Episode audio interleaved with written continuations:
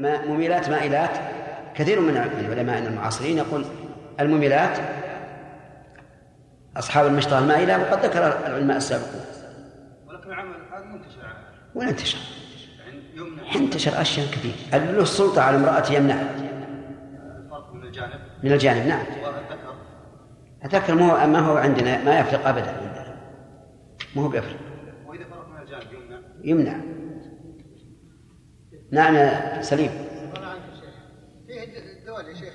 تجي في البلاد هذا. أي. يمنع مشي والمرأة هو يمشي وراها وتمشي قدامه. و... والولد يصير مع الرجال.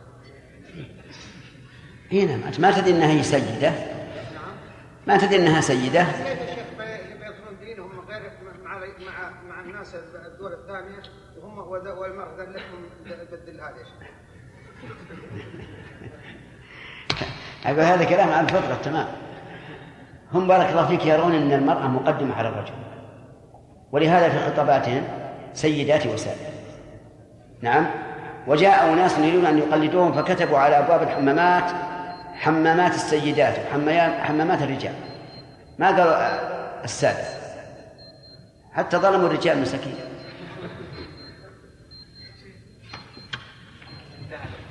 انتهى. ما فيها سبب. بسم الله الرحمن الرحيم. الحمد لله رب العالمين وصلى الله وسلم على عبده ورسوله نبينا محمد وعلى آله وصحبه أجمعين. قال شيخ الإسلام ابن تيمية رحمه الله تعالى في كتابه اقتضاء الصراط المستقيم.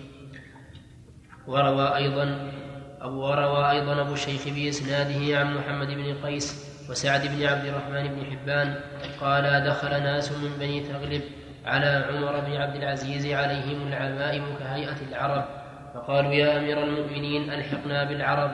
قال فمن أنتم؟ قالوا نحن بنو تغلب قال قال أولستم؟ قال أولستم من أوسط العرب؟ قالوا نحن نصار قالوا نحن نصارى. قال علي بجلم فأخذ من نواصيهم وألقى العمائم وشق رداء كل واحد وشق رداء كل واحد شبرا يحتزم به وقال لا تركبوا وقال لا تركبوا السرج عندكم شق رداء ولا من؟ ها؟ من؟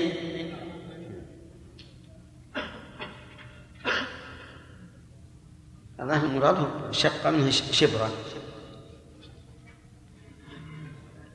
نعم. وقال لا تركبوا السرج واركبوا على الأكف ودلوا ودلوا رجليكم من شق واحد. وعن مجاهد أبي الأسود وعن مجاهد تعرفون هذا؟ السرج معروفة الأكف تسمى عندنا الوثارة أو الوثيرة. عبارة عن شيء مثل مخدة توضع على ظهر الفرس ثم تشد على بطنه ويركب أو على الحمار كالبرذعة. وأما آه، قوله دلوا رجل دلوا أرجلكم من شق واحد.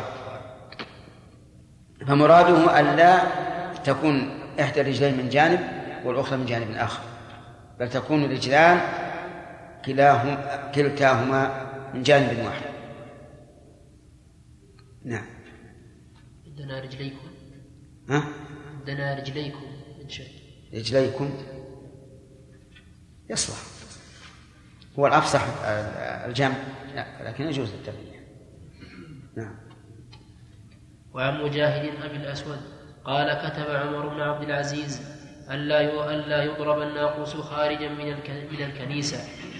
وعن معمر أن عمر بن أن عمر بن عبد العزيز كتب أن امنع من قبلك فلا يلبس نصراني قباء ولا ثوب خز ولا عصب.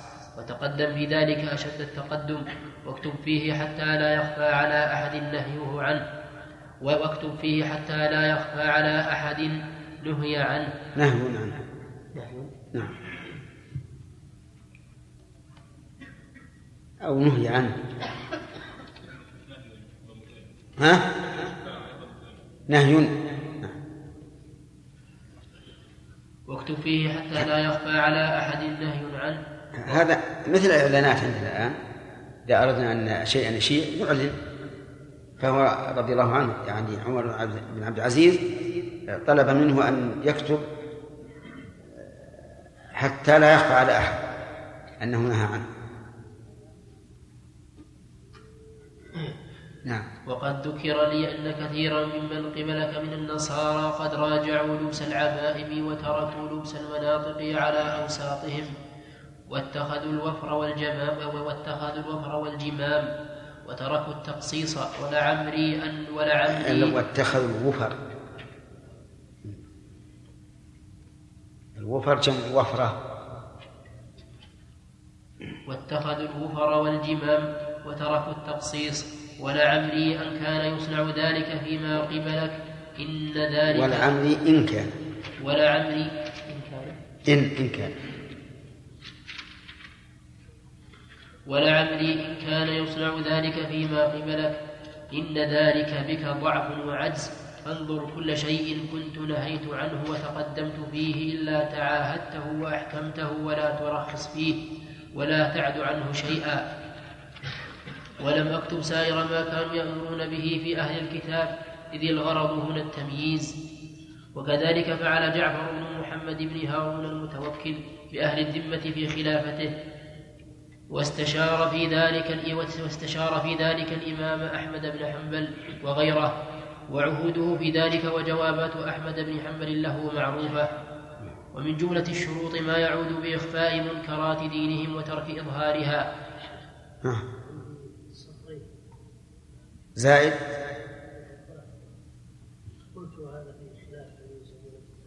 إيش؟ لعلها تأتي. هذا سبق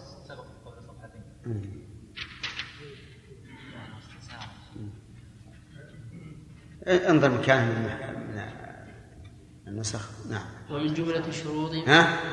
واستسار واستسار في ذلك الإمام أحمد استشار. واستشارته لا المهم استشار ما له.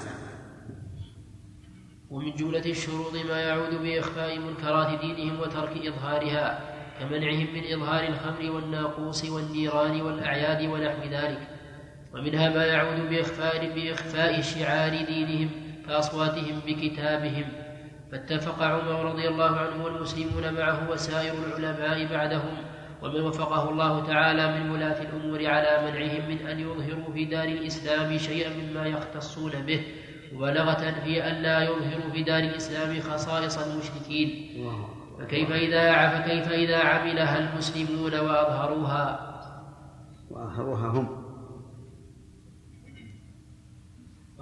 نسخة؟ في باب المطبوعة وأظهروها هم. نعم. ومنها ما يعود بترك إكرامهم وإلزامهم الصغار الذي شرعه الله تعالى. ومن المعلوم أن تعظيم أعيادهم ونحوها بالموافقة فيها نوع من إكرامهم فإنهم يفرحون بذلك ويسرون به. كما يغتمون بإهمال أمر دينهم الباطل. كما يغتمون. يغتمون. ها؟ نعم. يغتمون. يغتمون. الوجه الثاني من دلائل الإجماع. وما قاله الشيخ فلا شك فيه. ما قاله الشيخ رحمه الله بأنهم يصرون بموافقتهم على أعيادهم لا شك أن فيه. أنهم يصرون بهذا. وأنهم يغتمون بإهمال أمر دينهم الباطل. وأنهم كما قال الله عنه ودوا لا تكفرون كما كفروا فتكونون سواء. نعم.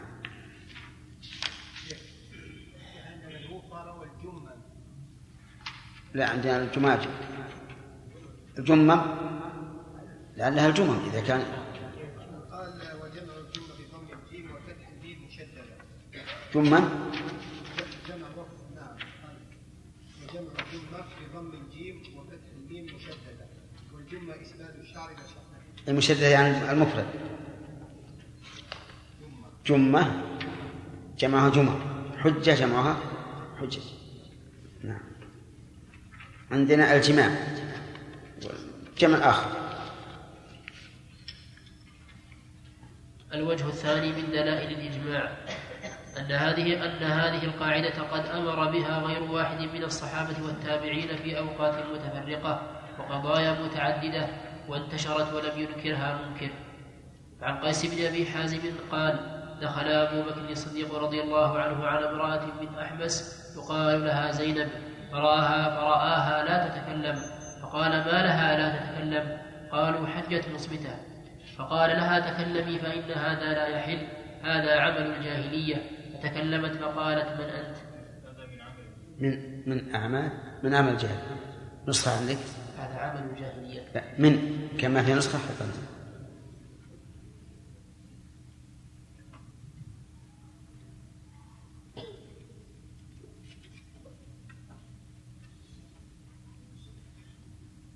فتكلمت فقالت من أنت؟ قال امرؤ من المهاجرين. قالت أي المهاجرين؟ أخفى نفسه عنه. رضي الله عنه. الله. نعم. قالت أي المهاجرين؟ قال من قريش. قالت من أي قريش؟ قال إنك لسؤول وقال أنا أبو بكر. قالت ما بقاؤنا على هذا الأمر الصالح الذي جاء الله به بعد الجاهلية؟ قال بقاؤكم عليه ما استقامت لكم أئمتكم. قالت وما الأئمة؟ قال أما كان أما كان لقومك رؤوس وأشراف وأشراف يأمرونهم ويطيعونهم؟ قالت بلى. قال فهم أولئك على الناس. رواه البخاري في صحيحه. فأخبر أبو بكر أن الصمت المطلق لا يحل وعقب ذلك بقوله هذا من عمل الجاهلية قاصدا بذلك عيب هذا العمل وذمه وتعقيب الحكم بالوصف دليل على أن الوصف علة فدل على أن كونه من عمل الجاهلية وصف يوجب النهي عنه والمنع منه. ومعنى قوله من عمل الجاهلية أي ممن فرد به أهل الجاهلية ولم يشرع في الإسلام فيدخل في هذا كل ما كل ما اتخذ من عبادة مما كان أهل الجاهلية يتعبدون به ولم يشرع ولم يشرع الله التعبد به في الإسلام وإن لم ينوه عنه بعينه. ينهى. عندك نسخة؟ ما أشار النسخة إذن لم ينهى. ها؟ لعله مثل مثل نسخة هذا الخالد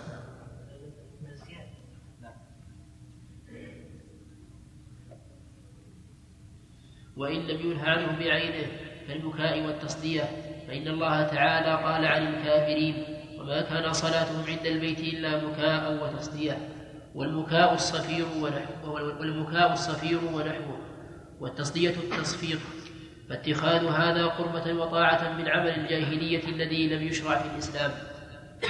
وكذلك بروز المحرم وغيره.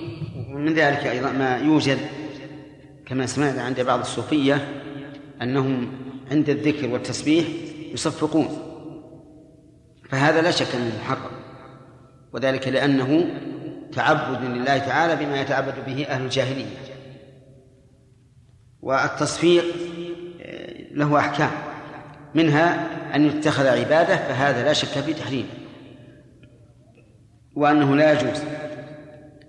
ومنها أن يتخذ لهوا ولعبا فهذا لا شك أنه خلاف المروءة كما يوجد من بعض الناس يبقى يصفق وربما ينقز على على رجل واحدة أو ما أشبه ذلك.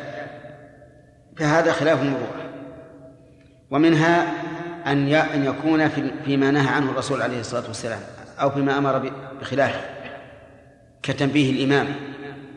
فإنه لا شك أن الإنسان إذا نبه الإمام بالتصفيق وهو رجل فقد خالف أمر الرسول عليه الصلاة والسلام.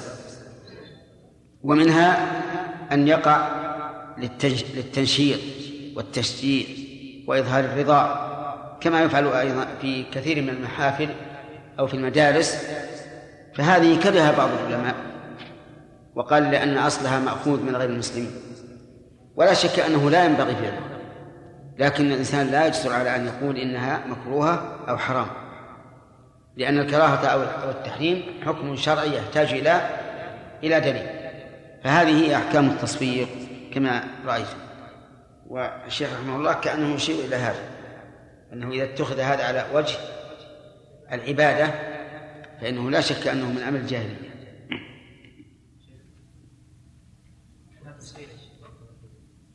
لا التصفير أخبث من التصفير. أنا أكره التصفير مطلقا حتى ولو كان بالتشجيع. نعم. وكذلك بروز المحرم وغيره للشمس حتى لا يستظل بظل أو ترك الطواف بالثياب المتقدمة. أو ترك أو ترك كل ما عمل في غير الحرم. ونحو ذلك من أمور الجاهلية التي كانوا يتخذونها عبادات. نعم. لا الثياب. لا عندنا متقدمة. المتقدمة أحسن. المتقدمة أحسن يعني القديمة. لأن لأنهم في الجاهلية لا لا يطوفون إلا باللباس الجديد وبعضهم لا يطوف باللباس مطلقا. إلا إذا وجد ثوبا من ثياب أهل الحرم وفي هذا تقول المرأة التي تطوف اليوم يبدو بعضه أو كله وما بدا منه فلا أحله وكانت تطوف عارية وتضع كفها على فرجها. وتقول هذا اليوم يبدو بعضه أو كله وما بدا منه فلا أحله نعم.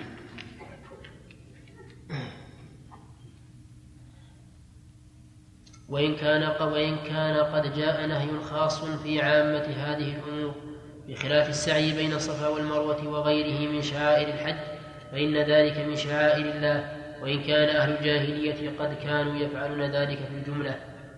وقد قدمنا ما رواه البخاري في صحيحه عن عمر عن عمر بن الخطاب أنه كتب إلى المسلمين المقيمين ببلاد فارس إياكم وزي أهل أهل الشرك. وهذا نهي منه للمسلمين عن كل ما كان من زي المشركين.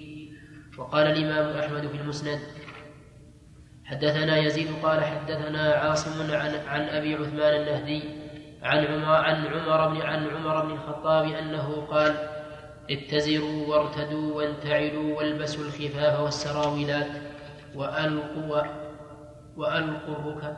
نعم. وألقوا الركب وانزوا نزوا وعليكم بالمعدية الأغراض بالمعدية. بالمعدية. وعليكم بالمعدية وارموا الأغراض وذروا التنعم وزي العجم وإياكم والحرير فإن رسول الله صلى الله عليه وسلم قد نهى عنه وقال لا تلبسوا من الحرير إلا ما كان هكذا. وأشار رسول الله صلى الله عليه وسلم بإصبعيه. وقال أحمد حدثنا حسن بن موسى قال حدثنا زهير قال حدثنا عاصم. اتزروا وارتدوا. يعني يلبسوا الإزار والرداء. وهذا لئلا تشابه الأعاجم. ولا شك أن القميص يجوز لبسه. لقول النبي صلى الله عليه وسلم في المحرم لا تلبسوا لا يلبس القميص. فدل هذا على أنه جائز. لكن عمر رضي الله عنه أراد مخالفة الأعاجم. وانتعلوا. والبسوا الخفاف. يعني لا تكونوا كهؤلاء. اجمعوا بين الخفاف وبين النعال والسراويلات أيضا إيه، البسوها. وكأن هؤلاء القوم عن الأعاجم لا يلبسون السراويل وإلا لما كان لأمره بذلك فائدة. أما ألقوا الركب فهذه تحتاج إلى شرح. يعني معنى عندك؟ عندك؟ قال يأمرهم بإلقاء الركب محافظة على عادة العرب في إكرام الضيف. ها إذا ولقوا الركب إيه. أخطأنا في قراءته. ولقوا الركب يعني قابلوه وانزوا نزوا يعني في المشي. لا يمشي الإنسان متماوتا فيكون آه، كسلان. ون... نعم.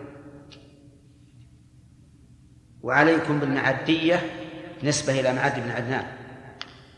يعني آه، شأن العرب في قوتهم وشجاعتهم وغير ذلك.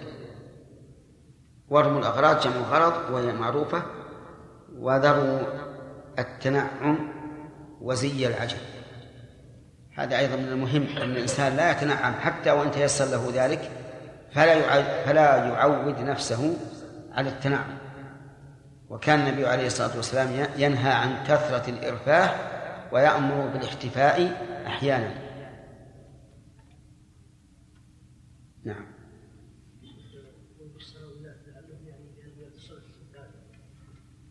آه، عندك تقول لعلهم لعلهم يلبسون التبان الذي لا يستر.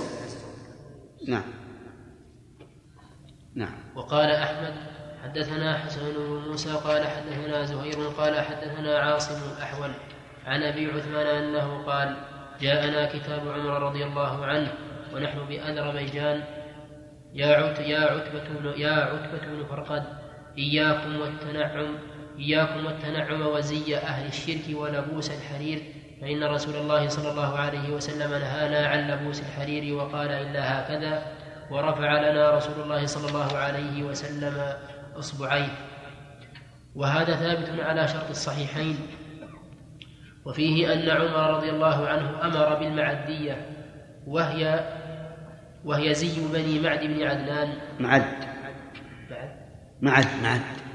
وهي زي بني معد بن عدنان وهم العرب. المعدية نسبة إلى معد ونهى عن زي العجم وزي المشركين وهذا عام كما لا يخفى وقد تقدم هذا مرفوعا والله أعلم به. وروى الإمام أحمد في المسند قال حدثنا أسود, أسود بن عامر قال حدثنا حماد بن سلمة عن أبي سنان عن عبيد بن آدم وعن عبيد بن آدم وأبي مريم وأبي شعيب أن عمر كان بالجابية فذكر فتح باب المقدس. قال حماد بن سلمة نعم. فذكر فتح بيت المقدس. قال حماد بن سلمة فحدثني أبو سنان عن عبيد بن آدم. قال سمعت عمر بن الخطاب رضي الله عنه يقول لكعب حدثنا أبو سنان عن عبد عن عبد بن آدم. عندك نسخة؟ يقول عبيد بن آدم ذكره الرازي في الجرح والتعديل وقال سمع عمر بن الخطاب وروى عن أبي هريرة ولم يذكر فيه شيئا. لكن ما ذكر نسخ نعم. وعندي الله بن عبيد لكن ما شكلها. المهم على كل حال ما دام الرجل لم يذكر فيه شيء. نعم. فحدثني أبو سنان على سنة عمر فحدثني أبو سنان عن عبيد بن آدم قال سمعت عمر بن الخطاب رضي الله عنه يقول لكعب أين تصل أين أين ترى أن أصلي؟ فقال إن أخذت عني صليت خلف الصخرة. فكانت القدس كلها فكانت القدس كلها بين يديك. فقال عمر ضاهيت اليهودية. لا ولكن أصلي حيث صلى رسول الله صلى الله عليه وسلم فتقدم إلى القبلة فصلى ثم جاء فبسط رداءه فكنس الكناسة في ردائه وكنس الناس. نعم. في شيء عندك؟ نعم. جزاك الله خير. آه، بالنسبة لتلك القاعدة التي قالها الإمام مالك وهو أن الشرك انتشر وكان أصله من الكفار انتشر من المسلمين فانه لا يكون عمله تشبها بهم لأنه صار منتشرا بينهم نعم. ولكن يا شيخ إذا نظرنا إلى تشوف الشرع لمخالفة المشركين نعم. ومغايرتهم فالا يقال أنه ينبغي أن يخالف ما كان عليه ما كان منهم من الأصل لأجل هذا الأمر كلمة مشابهة تقتضي أن هناك اشتراكا في شيء نعم وإذا كان هؤلاء مختصين عن الكفار بشيء فالذي يفعل هذا الشيء الذي يختص بالكفار يكون مشابها له أما إذا كان من شأننا ومن شأنهم فلا نقول إنه مشابه نعم. من باب إيش؟ لأن هذا مرغوب في الشرع لا بل إذا إذا إذا صار شائعا فلا فلا فلا هو نعم. شيخ الله قول عمر رضي الله عنه عن الرسول صلى الله عليه وسلم أنه نهانا عن الحرير إلا هكذا. نعم. اشار باصبعيه هل يقال أن هذا القدر لا يستخدم إلا للحاجة؟ أو يقال أن الإنسان يستخدم لا مطلقا أصبعين أو ثلاثة أو أربعة إلى أربعة أصابع. هذا إذا كان علما يعني خطأ. أما إذا لم يكن علما وإنما كان مزدوجا يعني أربع أصابع ثم بعده آه، قطن أو صوف ثم أربع أصابع فهنا ينظر إلى الأكثر ظهورا. يا شيخ ما يقال أنه تحديده بهذا القدر اليسير؟ يدل على أنه يكون للحاجة والاستعمال لا ما يدل. عنه باحة. باحة والله لنا مطلقا. نعم. ابن القيم أنه كما ذكرتم وألقوا الركب إيش؟ في قوله و- وألقوا الركب وهزوا نسوة يعني وش معنى الركوب؟ هي التي توضع على الفرس أي. فيضع الرجل رجله عليها ثم يصعد إلى الفرس قال ألقوها يعني على الخير. يرجع إلى الأصل. فيها اختلاف الآن. نعم. وهذا اللي شرح اللي قرأ علينا الأخ كمال. ها؟ فقي. أي طيب. يرجع إليه عاد ويكتب تعليق على كتابة فقي. نعم. ما معنى حديث قول النبي صلى الله عليه وسلم الكتاب نعم. كانوا لا يتزرون ولا يتزرون أي كانوا كما قال الأخ علي يمكن يلبسون ثياب التبان. يلبسون التبان وهي ليست السراويل ولا إزار نعم. الرجل والمرأة بالتصفيق نعم. إذا فعل الرجل التصفيق هل هذا يكون عن آه، شيء ما في نهي لا أمر بالتسبيح وإذا صفق إذا صفق فلا فلا يقال أنه ارتكب نهي الرسول قال فليسبح الرجال ولا ولا يصفق لكن لا شك انه إنه مخالف لامر لأمر النبي صلى الله عليه وسلم هل نقول مكروه؟ والله هذا أقل شيء نعم في العرس نعم. ونحوه هل يدخل في القسم الرابع من تقسيمنا للتصفيق من في أحوال التصفيق؟ من جهة إيش؟ تصفيق النساء في الظاهر من اللهو. نعم. هذا من اللهو. إي نعم. فإذا قلنا ب- بأن اللهو الخفيف يجوز في ليالي العرس فلا بأس به. لكن أخشى أنه يصحبه هذا يصحبه رقص. فيكون من هذه الناحية يمنع سليم. عليه اشكل عليه شيخ نهي أبو بكر رضي الله عنه عن عن سكوت يظهر في نهايه النبي إيش؟ أقول أقول اشكل عليه نهي ابو بكر عن انكار ابو بكر في سكوت المراه أي. هي اللي يظهر انها إنها اجنبيه لماذا؟ نعم لماذا؟ ما أدري لأن هل هل كلام الرجل للمرأة محرم؟ لا سيما هذا لا سيما أن أبا بكر خليفة هو ما راح يكلمها يسولف وياه لابد أن يكون هناك حاجة لله رب العالمين وصلى الله وسلم على عبده ورسوله نبينا محمد وعلى آله وصحبه أجمعين. قال شيخ الإسلام ابن تيمية رحمه الله تعالى في كتابه قضاء الصراط المستقيم قلت صلاة النبي صلى الله عليه وسلم في مسجد بيت المقدس في ليلة الإسراء قد رواها مسلم في صحيحه. قد رواه. قد رواها. وش رواه. ما أشار للنسخة حتى نسخة أشير.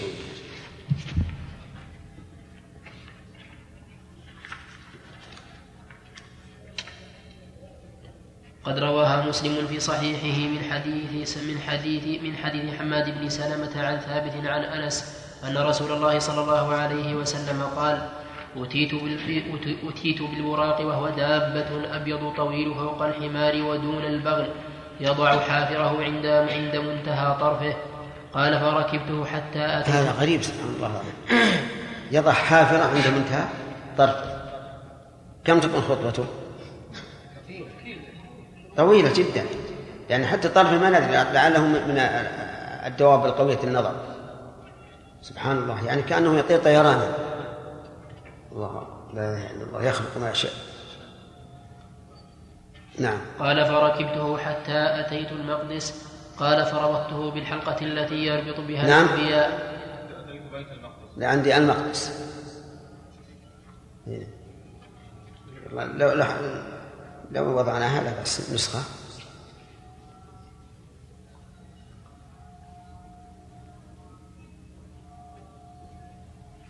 نعم.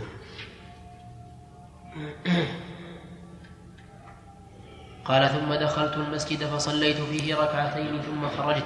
قال فربطت. قال فربطته بالحلقة التي يربط بها الأنبياء. قال ثم دخلت المسجد فصليت فيه ركعتين ثم خرجت.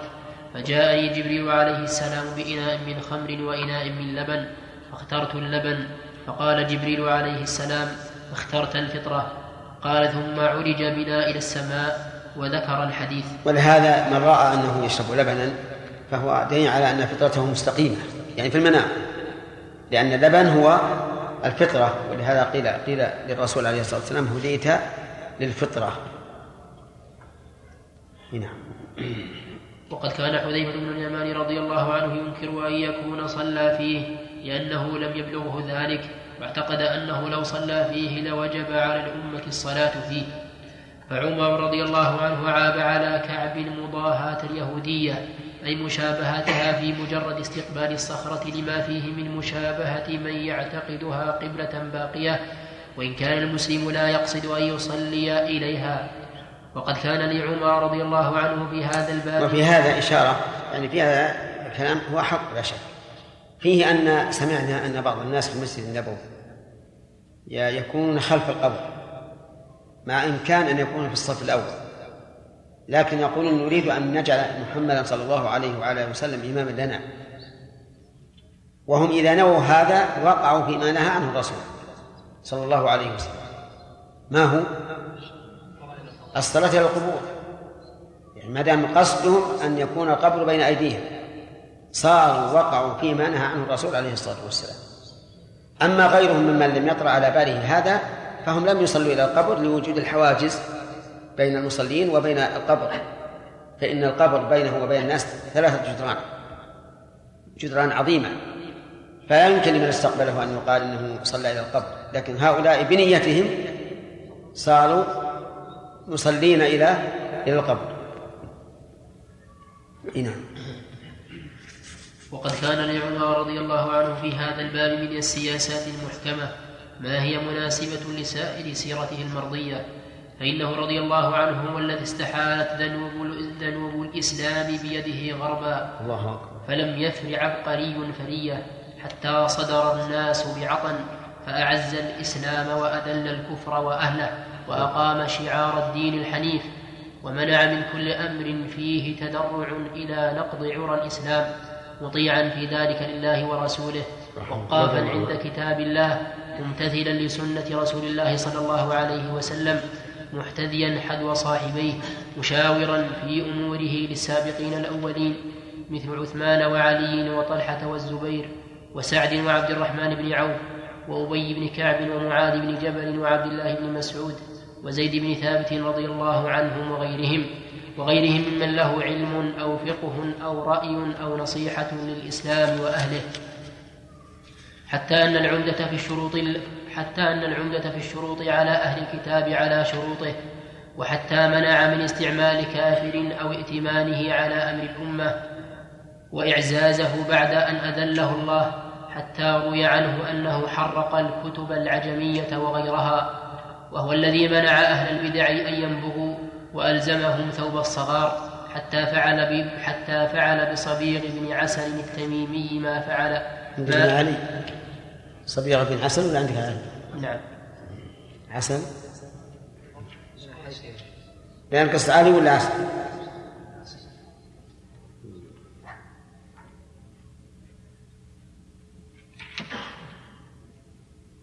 نعم أعز الله في الإسلام عندكم أعز الله في الإسلام؟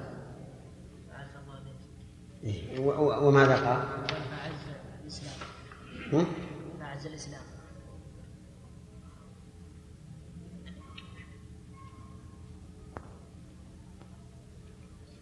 أنا عندي وأبطل الإسلام وأذل الكفر.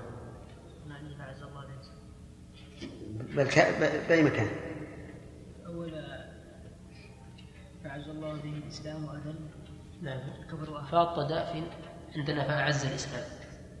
يعني عندي وأبطل نعم. عندكم فأط ها؟ عندكم فأط داء وعندنا فأعز الإسلام. إيه. وعنده فأعز فأعز فأعز الله به الإسلام. ما يصلح الله يجوز. لا هو أعز الله أحسن أحسن من أعز يعني نسبة الإعزاز إلى الله عز وجل أحسن من نسبتها إلى عمر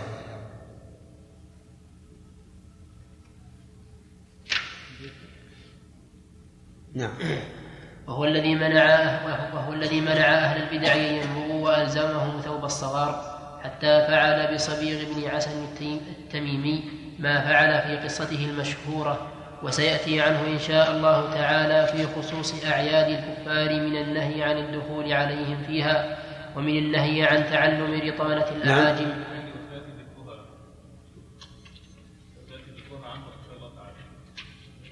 لا عندي ستأتي عنه. ما بذكر أنا عندي عكس عند ذكرها وستأتي عندي ذكرها أي نسخة. طيب خلاص. هو المعنى ما يختلف يختلف كثير. نعم. ومن النهي عن تعلم رطانة الأعاجم ما يبين به قوة شكيمته في النهي عن مشابهة الكفار والأعاجم. ثم ما ثم ما كان عمر قد قرره من السنن والأحكام والحدود.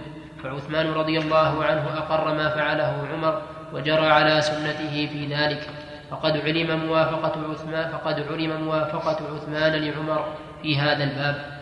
وروى سعيد في سننه قال حدثنا هشيم عن خالد الحذاء عن عبد الرحمن بن سعيد بن وهب عن أبيه أنه قال خرج علي رضي الله عنه فرأى قوما قد سدلوا فقال ما فقال ما لهم كأنهم اليهود خرجوا من فه من فهرهم.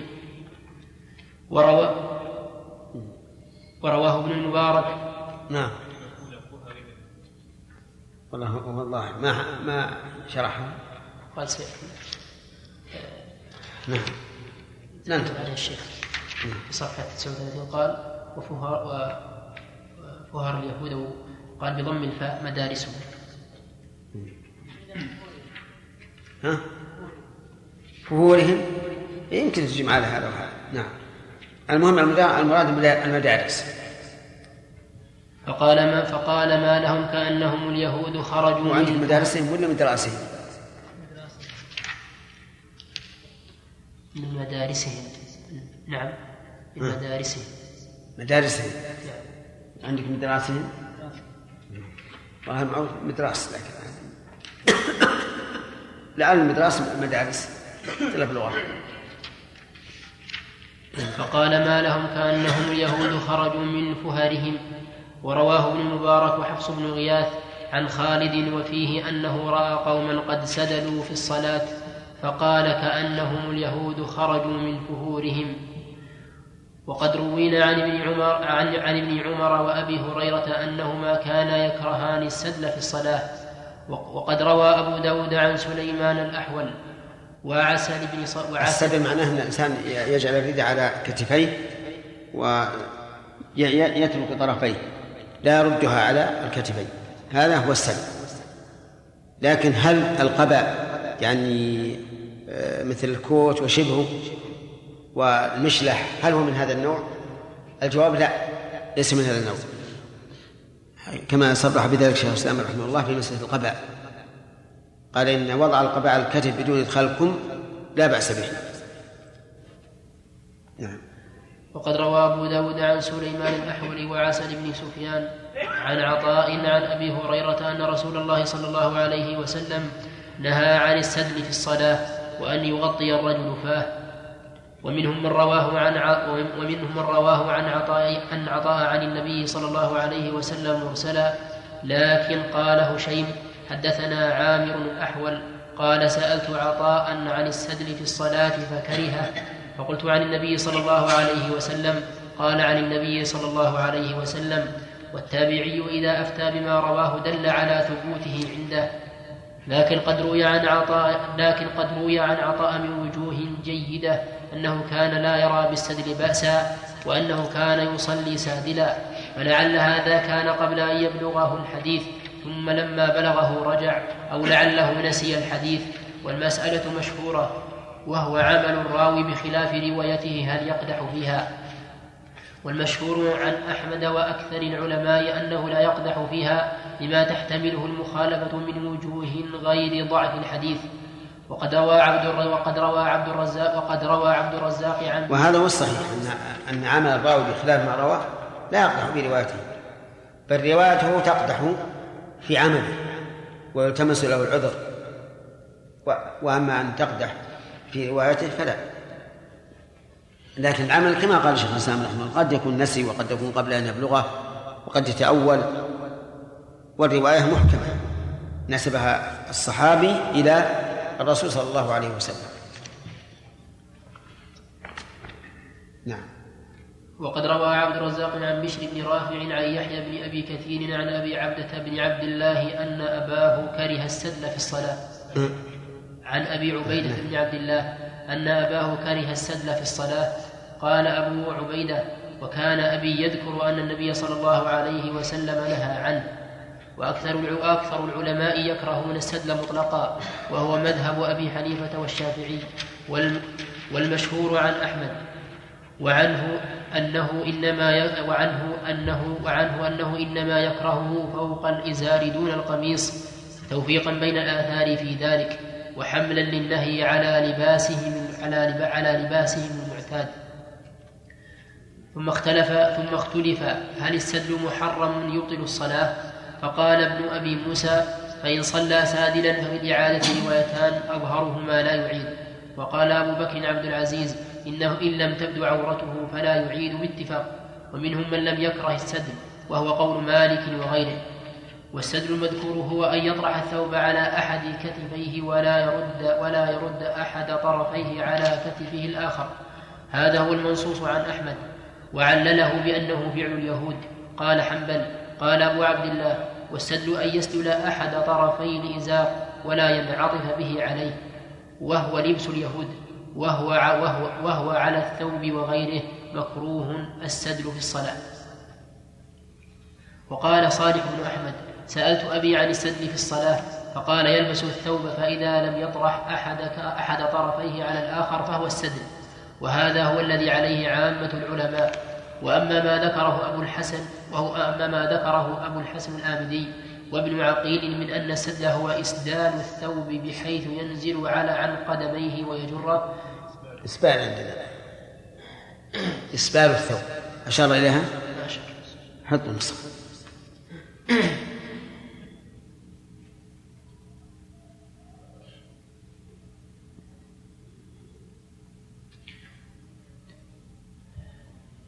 فيكون هو إسبال الثوب وجر إسبالا فيكون هو إسبال الثوب وجره المنهي عنه فغلط مخالف لعامة العلماء وإن كان الإسبال والجر منهيا عنه بالاتفاق والأحاديث فيه أكثر وهو محرم على الصحيح لكن ليس هو السدل وليس الغرض عين هذه المسألة. قوله هو محرم على الصحيح لا ينافي أن يكون من الكبائر لأن كل كبيرة محرم. ومراده هنا الإباحة والتحريم. وليس يريد أن يعين نوع التحريم هل هو كبيرة أو صغيرة فلا ينافي كلامه في مواضع أخرى. أن الإسبال من كبائر الذنوب لأن فيه ترتيب اللعنة. نعم. وليس الغرض وليس وليس الغرض عين هذه المسألة وإنما الغرض أن عليا رضي الله عنه شبه السادلين باليهود مبينا بذلك. شبه السادلين نعم. بالدال ها؟ نعم. شبه السادلين باليهود مبينا بذلك كراهة كراهة فعلهم. فعلم أن مشابهة اليهود أمر كان قد استقر عندهم كراهته. وفه و وفه وفهر. وفهر اليهود بضم الفاء مدارسهم وأصلها به وهي عبرانية فعربت. هكذا ذكره الجوهري. بهر. فتح الهاء. على انها جمع. نشوف نشوف كمل تبين وهي عبرانية فعربت هكذا ذكره الجوهري وكذلك وكذلك ذكر ابن فارس وغيره أن فهار اليهود مدى أن فهار اليهود مدارسهم. وفي العين عن الخليل بن أحمد أن فهر اليهود مدى أن فهر اليهود مدارسهم. إيه، الظاهر هذا؟ الظاهر المدرسة الثاني مدرسة. دراسة إيه. إيه. أو نصف كل المواضع لا بهذا بس.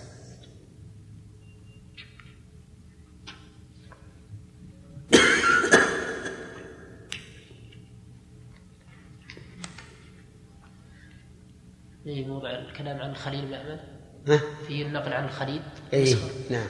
يجي مقابل ما ذكر الجوهر. وفي العين عن الخليل بن أحمد أن فهر اليهود مدارسهم. مدراسهم على النسخة. مدراسهم. سنذكر عن علي رضي الله عنه من كراهة التكلم بكلامهم ما يؤيد هذا وما في الحديث المذكور من النهي عن تغطية الفم. قد علله بعضهم بأنه فعل المجوس عند نيرانهم التي التي يعبدونها. على هذا عند عند عند نيرانهم التي يعبدونها. نعم. فعلى هذا تظهر مناسبة الجمع بين النهي عن السدر وعن تغطية الفم بما في كلام بم- بما في كلامهما. كلاهما. بما في كلاهما. بما في كلاهما من مشابهة الكفار مع في كل منهما معنى آخر يوجب مع أن في مع أن في كل من مع مع أن في كل منهما معنى آخر يوجب الكراهة. ولا محذور في تعليل الحكم بعلتين. فهذا عن الخلفاء الراشدين. وأما سائر الصحابة رضي الله عنهم فكثير مثل ما قدمنا عن حذيفة بن اليمان أنه لما دعي إلى وليمة فرأى شيئا من زي العجم خرج وقال وقال من تشبه بقوم فهو منهم. وروى أبو محمد الخلال بإسناده عن عكرمة عن ابن عباس رضي الله عنهما أنه قال أنه, أنه عن ابن عباس رضي الله عنهما أنه قال سأله رجل احتقن قال لا تبدي العورة ولا تستن بسنة المشركين فقوله لا تستن بسنة المشركين عام نعم.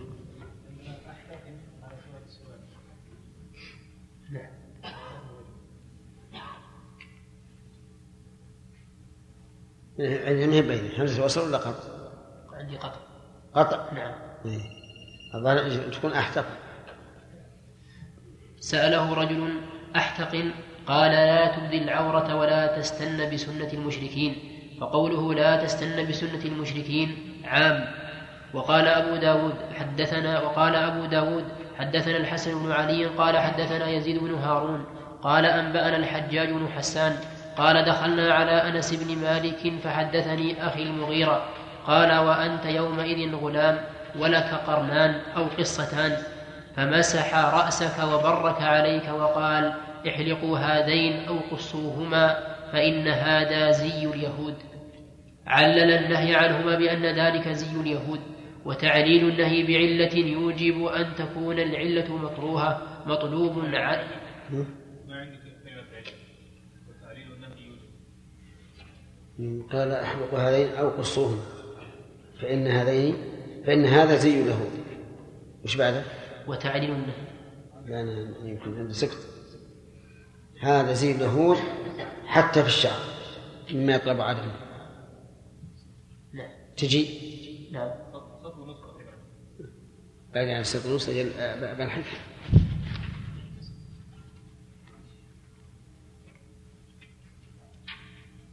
هذا زي اليهود نعم وتعليل النهي بعلة. ها؟ عندك وتعليل النهي يوجب ها؟ بس العلم وتعليل النهي يوجب أن تكون العلة مكروهة وش عندك أنت؟ الرحمن؟ عندي آه، وتعليل النهي بعلة يوجب أن تكون العلة مكروهة. طيب ابن علي وتعليم وتعليل. ها؟ ها؟ بعد قول هذا زي اليهود قال علل النبي علل علل النهي عنهم لأن ذلك زي اليهود وتعلل النهي علل النهي؟ نعم بعد الحديث أحسن الله عليك. بعد الحديث أملي عليكم. بعد الأثر. إيه أنا عندي أو قصتها فإن هذا زي اليهود من هنا؟ إيه. علل النهي عنهما. علل النهي عنهما بأن ذلك زي اليهود. وتعليل النهي بعلة يوجب أن تكون العلة مكروهة مطلوبا عدمها فعلم أن زي فعلم أن زي اليهود حتى في الشعر مما يطلب عدمه وهو المقصود. وروى ابن أبي عاصم قال حدثنا وهب, وهب بن بقية قال حدثنا خالد الواسطي عن عمران بن حدير عن أبي مجلز عن معاوية أنه قال إن تسوية القبور من السنة وقد رفعت اليهود والنصارى فلا تشبهوا بهم. ها؟ لا ما جاء. جاء؟ جاء جاء. عندي حاشية ها؟ عندي حاشية على كفر اليهود. على إيش؟ كفر اليهود. وش يقول؟ يقول وفي شرح الشوكاني على المنتقى ما لفظه قال صاحب الإمام والكفر بضم القاف وسكون الهاء. الكفر؟ نعم بالقاف. كفر نعم. قال بضم القاف وسكون الهاء. موضع مدارسهم الذي يجتمعون فيه. وذكر في القاموس والنهاية بالفاء لا بالقاف.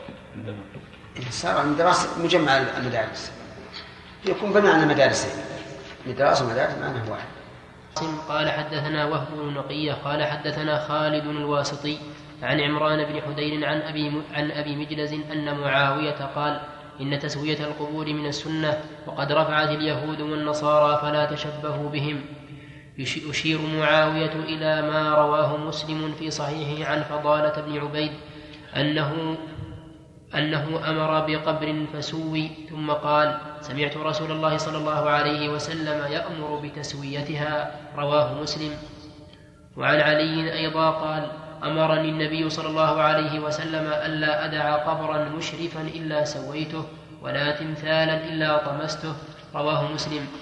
وسنذكر إن شاء الله تعالى عن عبد الله بن عمرو بن العاص أنه قال من بنى ببلاد المشركين وصنع نيروزهم ومهرجانهم حتى يموت حشر معهم يوم القيامة وقد ثبت عن عائشة رضي الله عنها أنها كرهت أنها كره أنها كرهت الاختصار في الصلاة وقالت لا تشبهوا باليهود.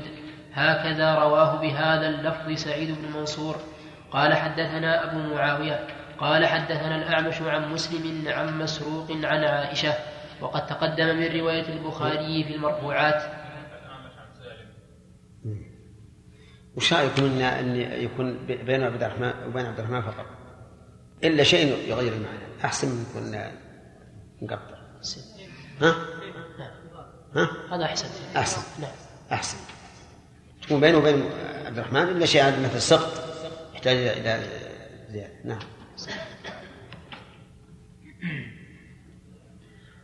نعم. وروى سعيد قال حدثنا سفيان عن أبي عن ابن أبي نجيح عن إسماعيل بن عبد الرحمن بن ذؤيب نجيح نجيح. وروى سعيد قال حدثنا سفيان عن ابن أبي نجيح عن إسماعيل بن عبد عن إسماعيل بن عبد الرحمن بن ذؤيب قال دخلت مع ابن قال دخلت مع ابن عمر مسجدا بالجحفة فنظر إلى ش... فنظر إلى شرافات كذا نعم. فنظر إلى شرافات فخرج فخرج إلى موضع فصلى فيه ثم قال لصاحب المسجد إني رأيت في مسجدك هذا يعني الشرافات شبهتها بأنصاب الجاهلية فمر أن تكسر.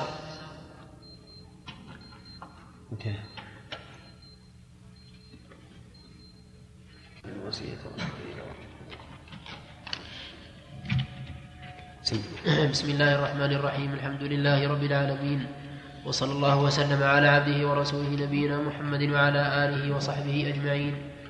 قال شيخ الإسلام ابن تيمية رحمه الله تعالى في كتابه اقتضاء الصراط المستقيم وروى سعيد أيضا عن ابن مسعود أنه كان أنه كان يكره الصلاة في الطاق وقال إنه بالكنائس فلا تشبهوا بأهل الكتاب.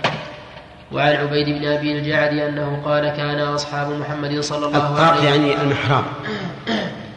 يعني يكره إن الإنسان يدخل في المحراب لأنه يشبه فعل أهل الكنائس. ولأنه يخفى على بعض المأمومين. فلا يؤدي إلى اتمام التام. ما في ما نص ساعة فقط.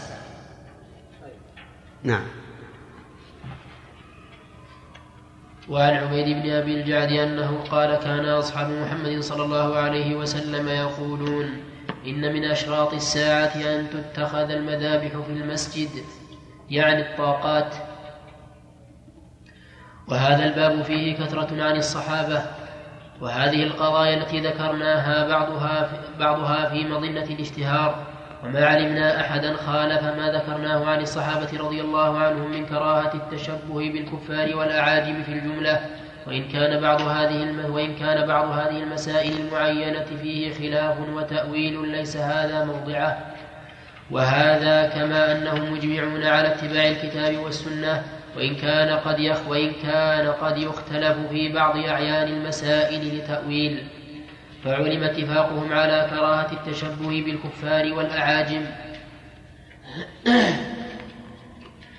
الوجه الثالث في تقرير الإجماع ما ذكره عامة علماء الإسلام من المتقدمين والأئمة المتبوعين وأصحابهم في تعليل النهي عن أشياء بمخالفة الكفار أو مخالفة النصارى أو مخالفة الأعاجم وهو أكثر من وهو من وهو أكثر من أن يمكن استقصاؤه وما من أحد له أدنى نظر في الفقه إلا وقد بلغه من ذلك طائفة وهذا بعد التأمل والنظر يورث علما ضروريا باتفاق الأئمة. وهذا وهذا بعد التأمل والنظر يورث علما ضروريا باتفاق وعلم علما ضروريا باتفاق الأئمة على النهي الأئمة عندكم ولا الأمة؟ الأئمة. ها؟ الأئمة. إي يعني عندي الأمة. ما أشار للنسخة؟ نعم أشار. ضعوها إياها نسخة.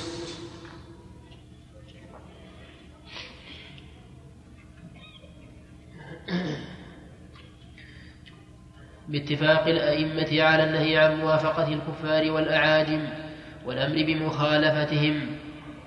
وأنا أذكر من ذلك نكتا في مذاهب الأئمة المتبوعين اليوم مع ما تقدم في أثناء الكلام عن غير واحد من العلماء. فمن ذلك أن الأصل المستقر في مذهب أبي حنيفة أن تأخير أن تأخير الصلاة أفضل من تعجيلها إلا في مواضع يستثنون إلا في مواضع يستثنونها. كاستثناء يوم الغيم كاستثناء يوم الغيم وكتعجيل الظهر في الشتاء. وإن كان غيرهم من العلماء يقول الأصل أن التعجيل أفضل. فيستحبون تأخير الفجر والعصر والعشاء والظهر إلا في الشتاء في غير الغيم. ثم قالوا يستحب تعجيل المغرب لأن تأخيرها مكروه لما فيه من التشبه لما فيه من التشبه باليهود. وهذا أيضا قول سائر الأئمة. وهذه العلة منصوصة كما تقدم. وقالوا أيضا يكره السجود في الطاق لأنه يشبه صنيع أهل الكتاب من حيث تخصيص الإمام بالمكان بخلاف بخلاف ما إذا كان سجوده في الطاق. وهذا أيضا ظاهر مذهب أحمد وغيره وفيه آثار صحيحة عن الصحابة ابن مسعود وغيره. ها؟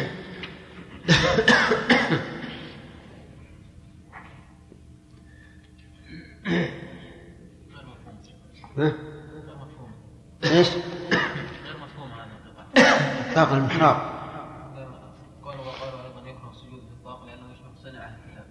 إيش؟ وقالوا أيضا يكره السجود في الطاق لأنه يشبه صنع أهل الكتاب اي نعم انهم إنهم يكون يصلون في الطاق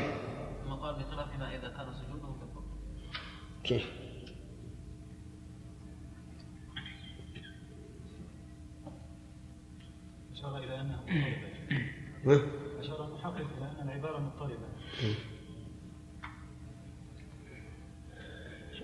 أنا عندي الظاهر عندي صفر. كما تقدم وقالوا أيضا وقالوا أيضا يكره السجود في الطاق لأنه يشبه صنيع أهل الكتاب من حيث تخصيص الإمام بالمكان بخلاف ما إذا كان سجوده في الطاق. وهذا أيضا ظاهر مذهب أحمد وغيره. إيه بخلاف ما إذا كان سجود في الطاق يعني فلا يضر. يعني إذا خارج الطاق وإذا سجد صار في الطاق. فالمكروه هو أن يدخل كله في الطاق. الأول يكره السجود في الطاق يعني الصلاة نفسها. أي نعم. كيف؟ السجود ما عنده وقالوا أيضا إيه. هذا الأول. نعم نعم. والثاني السجود أي السجود الأول الصلاة الصلاة. وفيه آثار صحيحة عن الصحابة ابن مسعود وغيره. وقالوا لا بأس أن يصلي وبين يديه مصحف معلق أو سيف معلق لأنهما لا يعبدان. وباعتباره تثبت الكراهة. ولا بأس أن يصلي على بساط فيه تصاوير لأن فيه استهانة بالصور. ولا يسجد على التصاوير لأنه يشبه عبادة الصور. وأطلق الكراهة في الأصل لأن المصلي معظم لأن المصلي معظم؟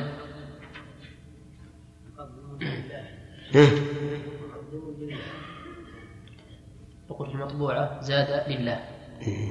ما ما يعني المعظم معظم لما سجده سواء لله أو للصنم. المهم إن السجود على شيء فيه صورة. إذا كان يسجد عليها فهي مكروهة. وإذا كانت لا يسجد عليها فلا تضر. إلا إذا كانت تشغله بحيث يتأمل فيها وينظر فهنا يكره لأجل إشغالها إياه عن عن حضور القلب. قالوا ولو لبس ثوبا فيه تصاوير كره لأنه يشبه حامل الصنم. ولا يكره تماثيل غير ذي الروح. الظاهر المراد من الكراهة هنا التحريم. لأن لبس المصور سطح العلماء بأنه حرام. نعم. ولا يكره طيب والذي يلبس ثوبا فيه تصوير رجل فاسق مارد كافر ها؟ يكون أشد أشد وأعظم. يوجد في بعض الملابس صور بعض المطربين أو بعض اللاعبين أو بعض أئمة الكفر نعم.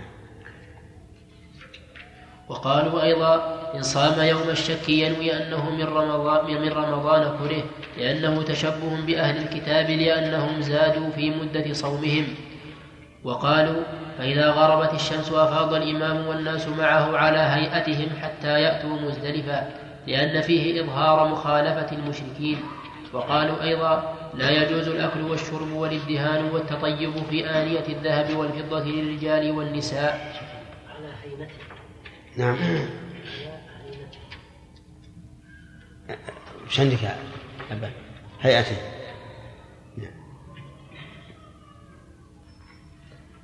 وقالوا أيضا لا يجوز الأكل والشرب والادهان والتطيب في آنية الذهب والفضة للرجال والنساء للنصوص. ولأنه تشبه بزي المشركين وتنعم بتنعم المترفين والمسرفين. وقالوا في تعليل المنع من لباس الحرير في حجة أبي يوسف ومحمد على أبي حنيفة على أبي حنيفة في المنع من افتراشه وتعليقه والستر به لأنه من زي الأكاسرة والجبابرة والتشبه بهم والتشبه بهم حرام. قال عمر إياكم وزي الأعاجم. وقال محمد في الجامع الصغير ولا يتختم إلا بالفضة. قالوا وهذا نص على أن التختم بالحجر والحديد والصفر حرام. للحديث المأثور أن النبي صلى الله عليه وسلم رأى على رجل خاتم صفر فقال ما لي, ما لي أجد منك ريح الأصنام. ورأى على آخر خاتم حديد فقال ما لي أرى عليك حلية أهل النار. ومثل هذا كثير في مذهب أبي حنيفة وأصحابه. لكن هذا الحديث ضعفه كثير من العلماء وقالوا إنه شاذ لقول النبي صلى الله عليه وعلى آله وسلم للرجل الذي طلب الواهبة نفسها وهو في الصحيحين قال له التمس ولو خاتما من حديد. نعم. وأما مذهب مالك وأصحابه ففيه ما هو أكثر من ذلك حتى قال مالك فيما رواه فيما رواه فيما رواه ابن القاسم في المدونة لا يحرم بالأعجمية ولا يدعو بها ولا يحلف. وقال ونهى عمر رضي الله عنه عن رطانة الأعاجم وقال إنها خب. قال وأكره الصلاة إلى حجر منفرد في الطريق وأما أحجار كثيرة فجائز. قال ويكره ترك العمل يوم كأنه كاره إلى الحجر المفرد لأنه يشبه عباد الأحجار الذين يعبدون الحجر المنفرد فكرهوا من أجل ذلك. نعم. أي أي نعم. على رأي يكره. حط معه حجر ثاني. يضع حجرين. نعم. قال ويكره ترك العمل يوم الجمعة كفعل أهل الكتاب كفعل أهل الكتاب يوم السبت والأحد. عندنا في السبت والأحد. أشار نعم. قال ويقال من تعظيم لكن هذا ليس ليس عليه العمل. عمل الناس الآن على ترك الجمعة العمل يوم الجمعة لا سيما قبل الصلاة من أجل أن يتفرغوا للصلاة. وهذا هو ما حث عليه الرسول عليه الصلاة والسلام. يعني هو الذي حث عليه. حين قال من اغتسل يوم الجمعة ثم راح في الساعة الأولى إلى آخره أما بعد الصلاة فنعم. قال الله تعالى فإذا قض- قضيت الصلاة فانتشروا في الأرض وابتغوا من فضل الله.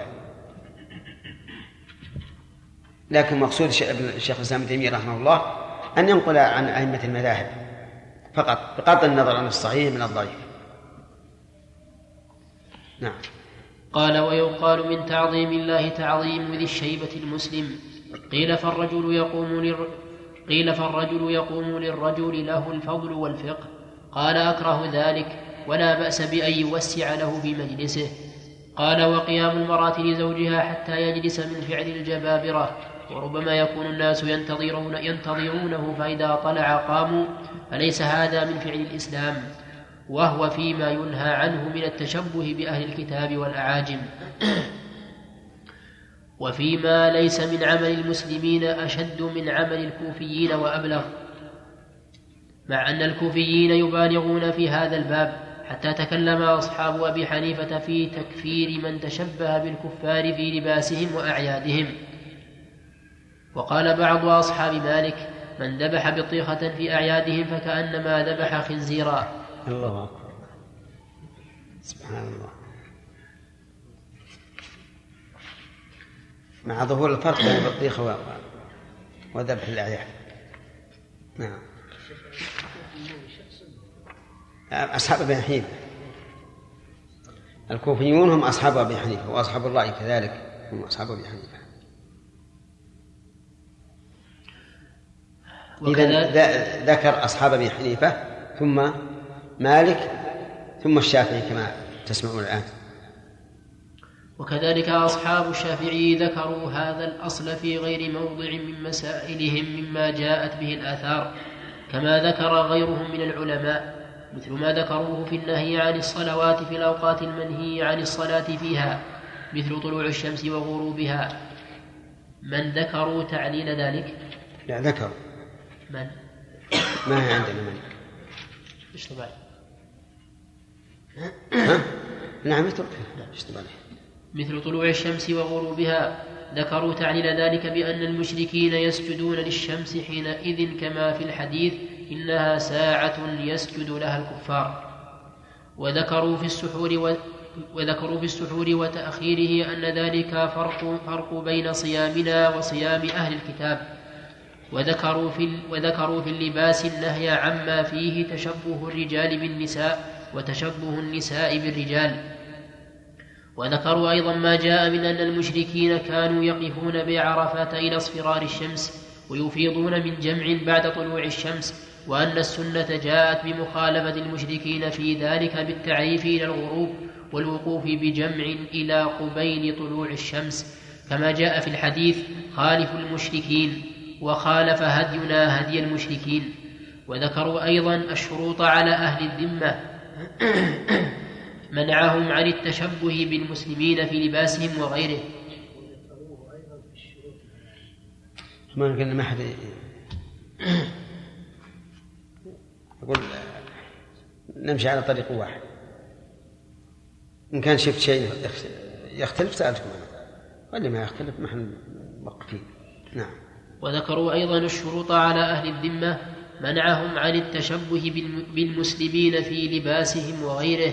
وغيره مما يتضمن منع المسلمين أيضا عن مشابهتهم في ذلك تفريقا بين علامة المسلمين وعلامة الكفار. وبالغ طائفة منهم فنهوا عن التشبه بأهل البدع فيما كان شعارا لهم وإن كان مسنونا. كما ذكره طائفة منهم في تسليم القبور. فإن مذهب فإن مذهب الشافعي أن الأفضل تسطيحها. ومذهب أحمد وأبي حنيفة أن الأفضل تسليمها. ثم قال طائفة من أصحاب الشافعي بل ينبغي تسليمها في هذه الأوقات لأن الرافضة تسطيحها. تسطحها الله. تسطحها. ها؟ إي نعم. لأن الرافضة لأن الرافضة تسطحها ففي تسطيحها تشبه بهم فيما هو شعار لهم. وقال طائفة بل نحن نسطحها أصل ما فإذا هي عندي في تسطيحها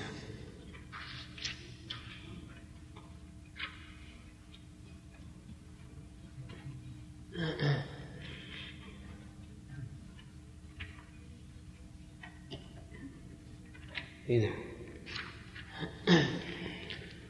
وقال طائفة بل نحن نسطحها فإذا سطحنا فإذا سطحناها لم يكن تسطيحها شعارا لهم. فاتفقت الطائفتان على على النهي عن التشبه. الله عجيب هذا جيد. يقول نسطحها علشان لا يكون خاصا بالرافضة. لأنه إذا كان أهل السنة والرافضة يس- يسطحونها ما بقي شعار لهم. فهذا نعم نقول إذا كان فيه إرغام لهم فحسن إذا كان فيه إرغام أنهم لا يتميزون بالتسطيح فيكون تسطيحها حسنا أما إذا كان فيه آه، ليس فيه إرغام فالأفضل التمييز. لكن كيف يكون فيه إرغام؟ يكون فيه إرغام لئلا لأ- لتشتبه عليهم قبورهم بقبور أهل السنة. ولا شك أن هذا يؤذيهم. نعم. فاتفقت الطائفتان على النهي عن التشبه بأهل البدع فيما هو شعار لهم. وإنما تنازعوا في أن التسطيح هل يحصل؟ من ذلك مثلا في الصوفية معروف أنهم يتخذون المسابح نعم. فيكره الإنسان أنه يتخذ المسابح يسبح بها لأنها من شعار الصوفية أهل البدع. وهذا أصل طيب لأن الذي يتخذ شعار أهل البدع يظن أنه مبتدع أو يظن أن أهل البدع على حق. إن كان ممن يحسن الظن به ظن الناس أن أهل البدع الحق. وإن كان ممن لا يحسن الظن به ظنوا أنه مبتدع. نعم. فاتفقت الطائفتان على النهي عن التشبه بأهل البدع فيما هو شعار لهم وإنما تنازعوا في أن التسطيح هل يحصل به ذلك أم لا. فإذا كان هذا في التشبه بأهل البدع فكيف بالكفار؟ وأما كلام أحمد انتهينا الآن من كم من مذهب؟ ثلاثة. أبو حنيفة مالك الشافعي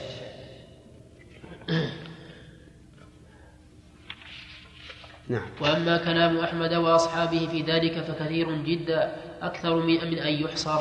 قد قدمنا منه طائفة قد قدمنا منه طائفة من كلامه عند ذكر النصوص عند قوله صلى الله عليه وسلم من تشبه بقوم فهو منهم. وقوله وقوله وقوله اصبر اصبر اصبر والله عندي تكرار وسقط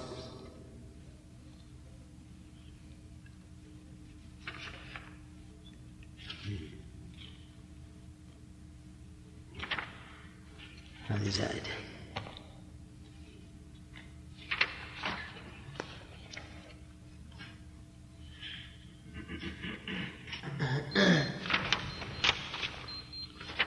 نعم. وقوله أحب الشوارب وأعفوا اللحى لا تشبهوا بالمشركين. وقوله إنها لهم في الدنيا ولكم في الآخرة. وش قوله؟ قال أحفو أحفو نعم. أحفو أنت قلت أحفو لا ما شك. ها؟ ما شك. لا نطقك أنت فيها.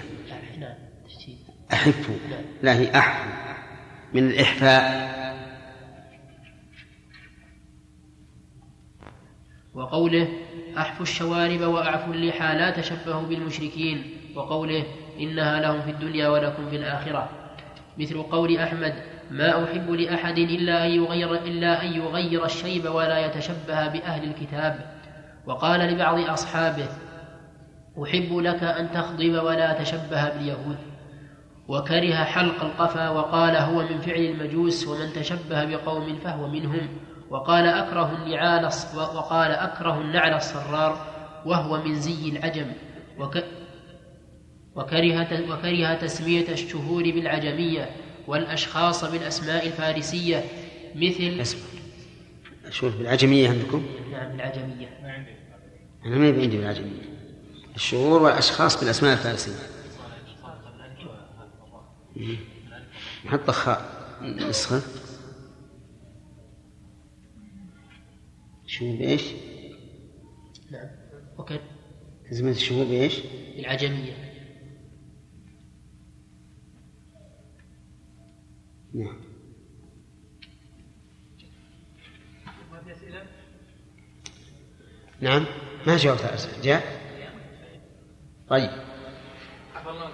شيخ قلنا إن اتخاذ ما يكون شعارا لاهل البدع أو الكفار يعني يكون آه، يمنع عنه طيب شيخ لو كان في أرض غير أرض الكفار أو أهل البدع يعني كهنا يعني يعني في بعض البلدان يكون أهل البدع فيمنع عن اتخاذ ما هم يرتكبونه حتى ما نشتبه بهم طيب في بلدان السنة أيضا ينهى مع أنهم وجدهم ولا في تشبه بهم ولا الناس يتاثرون يعني مسابح أنا ما عندي اتخذها ولو أخذ واحد ما يؤثر. إحنا نقول إذا إذا كان يقال إنه متشبه. به والتسبيح بالمسابح لا شك انه خلاف الأولى حتى وإن لم يكن تشبه. لأن الرسول صلى الله عليه وسلم قال اعقدنا بالأنامل فإنهن مستنطقات وغيرها شيخ غير المسابح يعني هذا مثال ها؟ هذا مثال يعني مثلا في اتخاذ القبور وغيرها اللي اللي كل ما كان شبه من خصائص أهل البدع لأنه يخشى أن ينقله من البلد التي لا لا تعرف هذا فيقال والله فلان آه، وضع القبر مسطح. ليش؟ قال لأن هذا فعل الرافضة. مثلا نعم. كأن المصنف يعني يميل إلى أن المحاريب مكروهة فقط. إيش؟ كأن المصنف يميل إلى أن المحاريب مكروهة فقط. لأنه نقل كراهة ابن مسعود لذلك رضي الله عنه. لكن من العلماء من يقول بأنها بدعة. فهل يتوجه قولهم هذا لأنها صفة عبادة وهذه توقيفية ولو كان خيرا لسبقنا سلفنا له نعم. هل يتوجه هذا؟ لا ما يتوجه. هذه هذه بالحقيقة وسيلة إلى معرفة القبلة. ولولا هذه المحارم ما عرفت القبلة. والنهي عن اتخاذ مذابح قيد قال كمذابح النصارى. فإذا جعلنا مثلا هذا هذا المحراب على شكل محاريب الكنائس حرم هذا لا شك. نعم. قال السبب هو طرح الثوب على الكتف ولا يرد احد طرفيه على الكتف الآخر. نعم. يعني بأن يطرح الثوب على الكتف ويجعل طرفه يتدلى من عند الصدر والطرف الآخر من الظهر. ما يخالف. ما. لا ليس بسهل هذا ما مثلا الرداء تحطه على كتوب الرداء اللي في الإحرام يلبس مو بثيابنا الآن.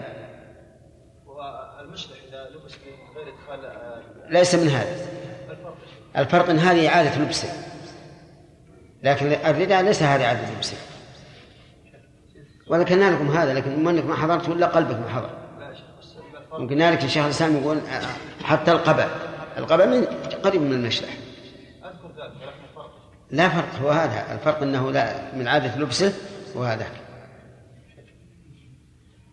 نعم. التوسع في في النهي عن هذه المسائل ما يخالف الأصل في في النهي عن التحريم؟ زي ما قال بعض المشايخ استند لاقوال ابو حنيفة وكده. كيف؟ استندوا بعض المشايخ قالوا إن الامام ابو حنيفة صرح ولم يحرم الذهب للرجال لأن- لأنه خاف من الأصل اللي عنده. ولا تقولوا لما تصف ألسنتكم الكذب هذا حرام وهذا حلال. نعم. وقالوا إن الم- العلماء خافوا من هذا الأصل ولم يوسعوا قواعد التحريم والنهي في عدة مسائل. لكن هذا آه، الذهب على الرجال حديث وارد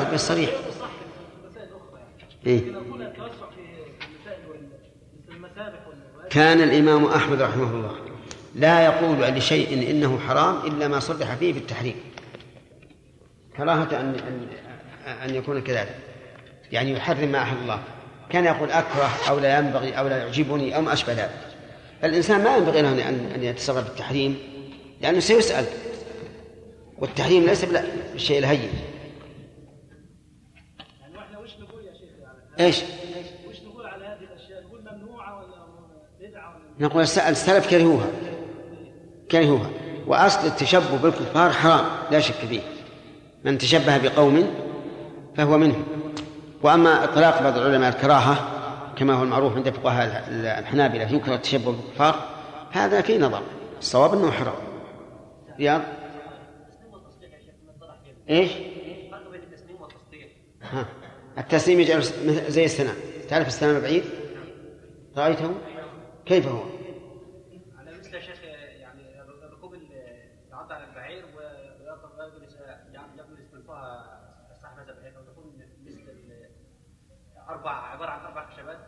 لا يا شيخ.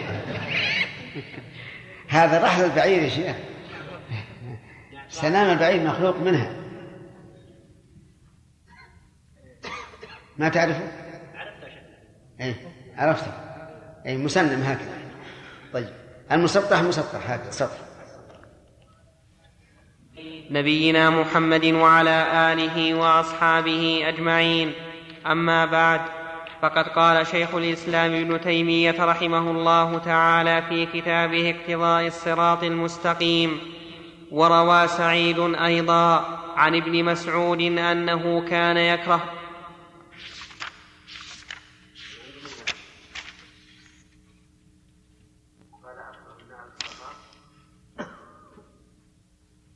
وهو من زي العجم وكره تسمية الشهور بالعجمية والأشخاص بالأسماء الفارسية. إي نعم. وكره تسمية الشهور وقال الإمام أحمد. وقال لبعض أصحابه أحب لك أن تخضب ولا تشبه باليهود. وكره حلق القفاء. وقال هو من فعل المجوس ومن تشبه بقوم فهو منهم. وقال اكره النعل الصرار وهو من زي العجم. وكره تسمية الشهور بالعجمية والأشخاص بالأسماء الفارسية والأشخاص بالفارسية مثل آذر ما وقال الأسماء الفارسية. عندك الأسماء بالأسماء. نعم. والأشخاص بالأسماء الفارسية مثل آذر ما وقال للذي دعاه زي المجوس زي المجوس. وقال للذي دعاه زي المجوس زي المجوس ونفض يده في وجهه وهذا كثير كثير في نصوصه لا يحصر. وقال حرب الكرماني. قل الله يسمونها الآن. آذار. آذار. آذار مارس. فلعل فيها يعني تغيير. آذر ماه تسمى آذار مارس. ولا لا؟ ها؟ ها؟ آزر آزر ما؟ لا آذر مارس ها؟ أنتم تعرفون أنتم تاريخهم بال... بهذا آذر مارس ها؟ بالذال يا أخي وين أنت يا زكي؟ آذر ما هذا هي آذر مارس. أظن بس يقدمون يقول مارس آذار وقال حرب الكرماني قلت لأحمد الرجل يشد وسطه بحبل ويصلي قال على القباء لا بأس به وكرهه على القميص وذهب إلى أنه من زي اليهود فذكرت له السفر وأنا نشد ذلك على أوساطنا فرخص فيه قليلا.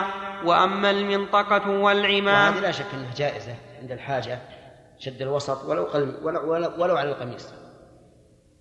أما على القباء فلا إشكال في جوازه لأن القفا يحتاج إلى شد لكن القميص لا يحتاج إلا أنه إذا كان في سفر أو في شغل كما يفعل الذين يشتغلون في الحرث في السقي. يشدون أوساطهم لا بأس به. القبا مثل الجبة يحتاج إلى أن يربط. نعم لا لا من الوسط على البدن كله. نعم. وأما المنطقة والعمامة ونحو ذلك فلم يكره إنما كره الخيط وقال هو أشنع. قلت وكذلك كره أصحابه أن يشد وسطه على الوجه الذي يشبه فعل أهل الكتاب. فأما ما سوى ذلك فإنه لا يكره في الصلاة على الصحيح المنصوص بل يؤمر من صلى في قميص واسع الجيب أن يحتزم كما جاء في الحديث لئلا يرى لئلا يرى عورة نفسه. وقال الفقهاء من أصحاب الإمام أحمد واضح. إذا كان القميص واسعا وليس, وليس له إزرار فلا بد من شده. وقال الفقهاء من أصحاب الإمام أحمد وغيره منهم القاضي أبو يعلى وابن عقيل والشيخ أبو محمد عبد عبد القادر عبد القادر الجيلي وغيرهم. عندي نعم عندك اختلاف الجيلاني لا. آه. آه.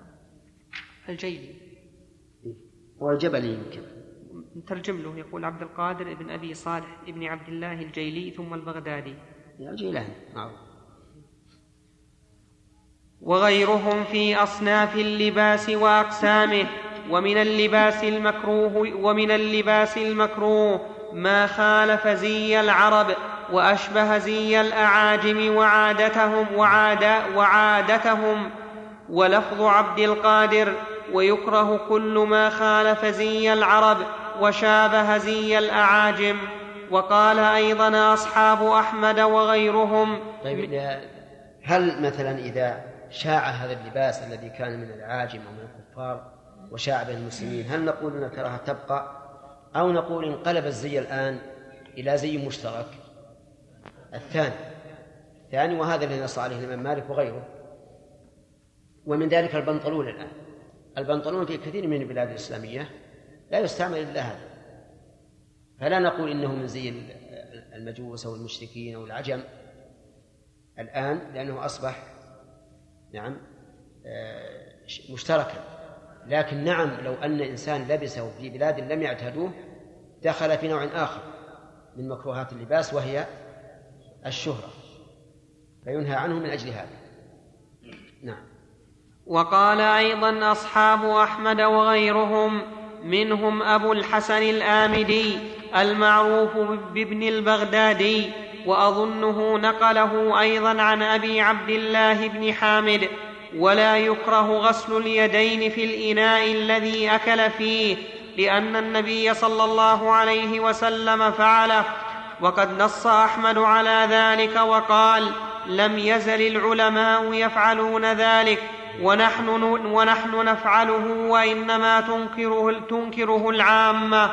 وغسل اليدين لكن ترى هذا بعد أن ينتهي الطعام. أما غسل يديها والطعام موجود هذا يفسد الطعام. لكن إذا خلص من الطعام غسل يديه في, الإناء لا بأس به. لكن كأن العامة في وقت الإمام أحمد رحمه الله ينكرونه. والإمام أحمد احتج بأن العلماء ما زالوا يفعلونه وفي هذا دليل على اقتفاء آثار أهل العلم وأن إجماعهم أو شبه الإجماع يعتبر مما يحتج به أو يستأنس به. وأما كوننا نطالب في كل عام دقيق أو جليل بالدليل مثلا من السنة فهذا شاذ في الواقع. لأننا لو طلبنا بكل قليل أو كثير ما أمكننا أن نعمل ولا بربع السنة. إذ أن أكثر السنة أقوال. وإذا كانت أقوالا ثم طالبنا هل فعلها الرسول أو لم يفعلها؟ هذا صعب. نعم. وغسل اليدين بعد الطعام مسنون رواية واحدة. وإذا قدم ما يغسل لكن بعد الطعام بعد اللعق. لأن اللعق مقدم على الغسل. فيلعق أولا كما أمر بذلك النبي صلى الله عليه وعلى آله وسلم حيث أمر أن يلعقها الإنسان أو يلعقها. وفيه فائدة عظيمة منها التواضع وبذل النفس ومنها ما ذكر بعضهم أن في بنان اليد آه، إفرازات تعين على الهضم وأن الإنسان إذا الإفرازات لعقها فإنه يستفيد من هذه الإفرازات. فإن صح ذلك فهو خير على خير وإن لم يصح فالسنة كافية. نعم. وإذا وإذا قدم ما يغسل فيه اليد فلا يرفع حتى يغسل الجماعة أيديها لأن الرفع من زي الأعاجم. وكذلك قال الشيخ أبو محمد عبد عبد القادر الجيلي ويستحب أن يجعل ما يعني قال ويستحب. هذه ليست استنافية من من من شيخ الإسلام رحمه الله لكنها مقول القول. نعم. ويستحب أن يجعل ماء اليد في طست واحد لما روي في الخبر. لا تبددوا يبدد لا تبددوا يبدد الله يبدد الله شملكم. وروي أنه صلى الله عليه وسلم نهى أن يرفع الطست حتى يطف يعني يمتلئ. وقالوا أيضا ومنهم أبو محمد عبد القادر في تعليل كراهة حلق الرأس على إحدى الروايتين. المهم هذه العادات اللي ذكرها في مسألة غسل اليد ما هي معروفة عندنا الآن إلا في الشيء الخفيف كالفواكه وشبهها.